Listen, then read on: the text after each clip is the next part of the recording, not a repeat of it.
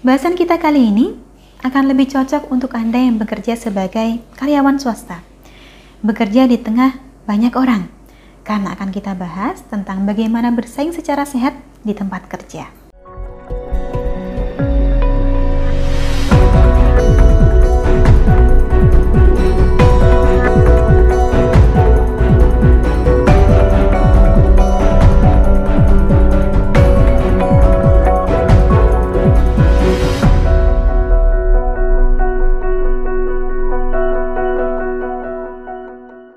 Salam Rahayu, dengan Dewi Sundari di sini seperti biasa.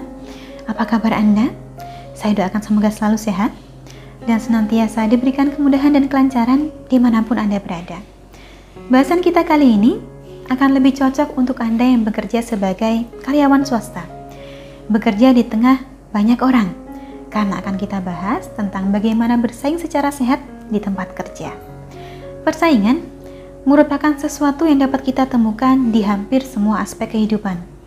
Di sekolah pun, para siswa bersaing satu sama lain, seperti hanya para atlet yang bersaing di lapangan dan sesama karyawan di tempat kerja. Jadi, tidak perlu menganggap persaingan sebagai sesuatu yang asing. Di satu sisi, persaingan di tempat kerja akan menjadikan perusahaan lebih kuat serta lebih dinamis karena ide-ide baru akan senantiasa muncul. Tetapi di sisi lain, Secara diam-diam, kondisi persaingan dapat menimbulkan konflik. Inilah yang kemudian kita sebut sebagai persaingan tidak sehat. Persaingan tidak sehat di tempat kerja adalah persaingan yang hanya merugikan kedua belah pihak saja, saling mengunggulkan diri sendiri dan menjatuhkan satu sama lain. Padahal seharusnya persaingan di tempat kerja masih bisa dilakukan secara sehat. Caranya bagaimana? Yang pertama, tetap pertahankan kualitas kerja Anda. Tentunya, kita tidak ingin terlihat buruk. Juga tidak ingin performa kerja kita menurun. Kompetisi yang ada di tempat kerja jadikanlah sebagai pemicu agar kualitas kerja kita senantiasa tinggi. Tetapi ingat bahwa Anda semestinya hanya menentukan target atau tujuan secara realistis. Jangan menjadikan diri Anda sendiri kesulitan karena banyaknya pekerjaan dan deadline yang tidak tercapai.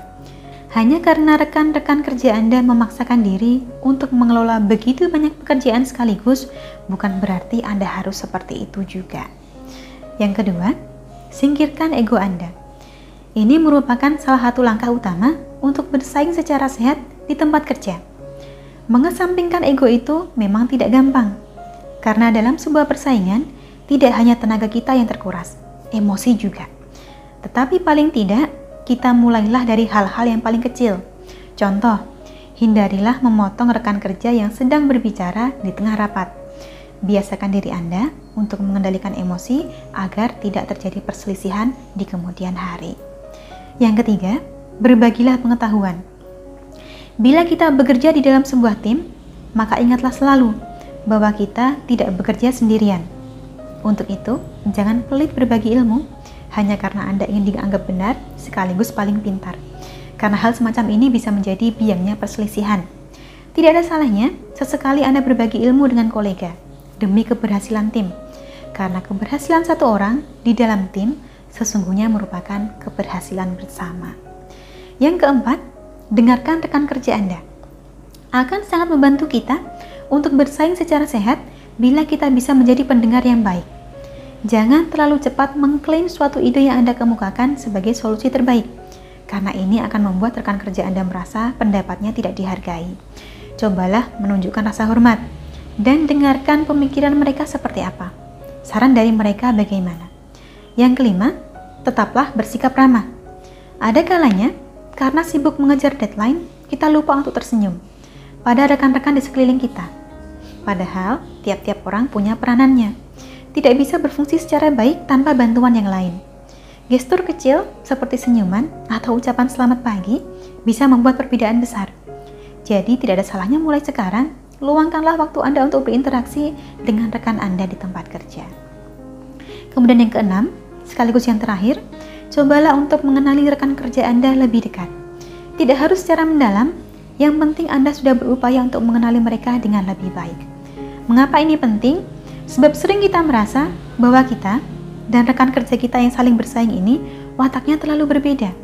Padahal setelah dikenali dengan lebih baik, ternyata ada begitu banyak kesamaan yang dapat kita gali bersama. Salah satu cara untuk mengenali rekan kerja kita adalah dengan meluangkan waktu makan siang bersama. Keenam cara ini, bila kita terapkan dengan baik, akan membantu kita untuk dapat bersaing secara sehat di tempat kerja. Demi keberhasilan bersama, demi kemajuan bersama juga. Bukan hanya soal siapa yang paling pintar atau siapa yang paling benar. Kurang lebihnya, Demikianlah yang dapat saya sampaikan seputar bagaimana bersaing secara sehat di tempat kerja. Di mana pun Anda bekerja, saya doakan semoga senantiasa diberikan peluang terbaik dan rekan kerja serta atasan yang terbaik pula.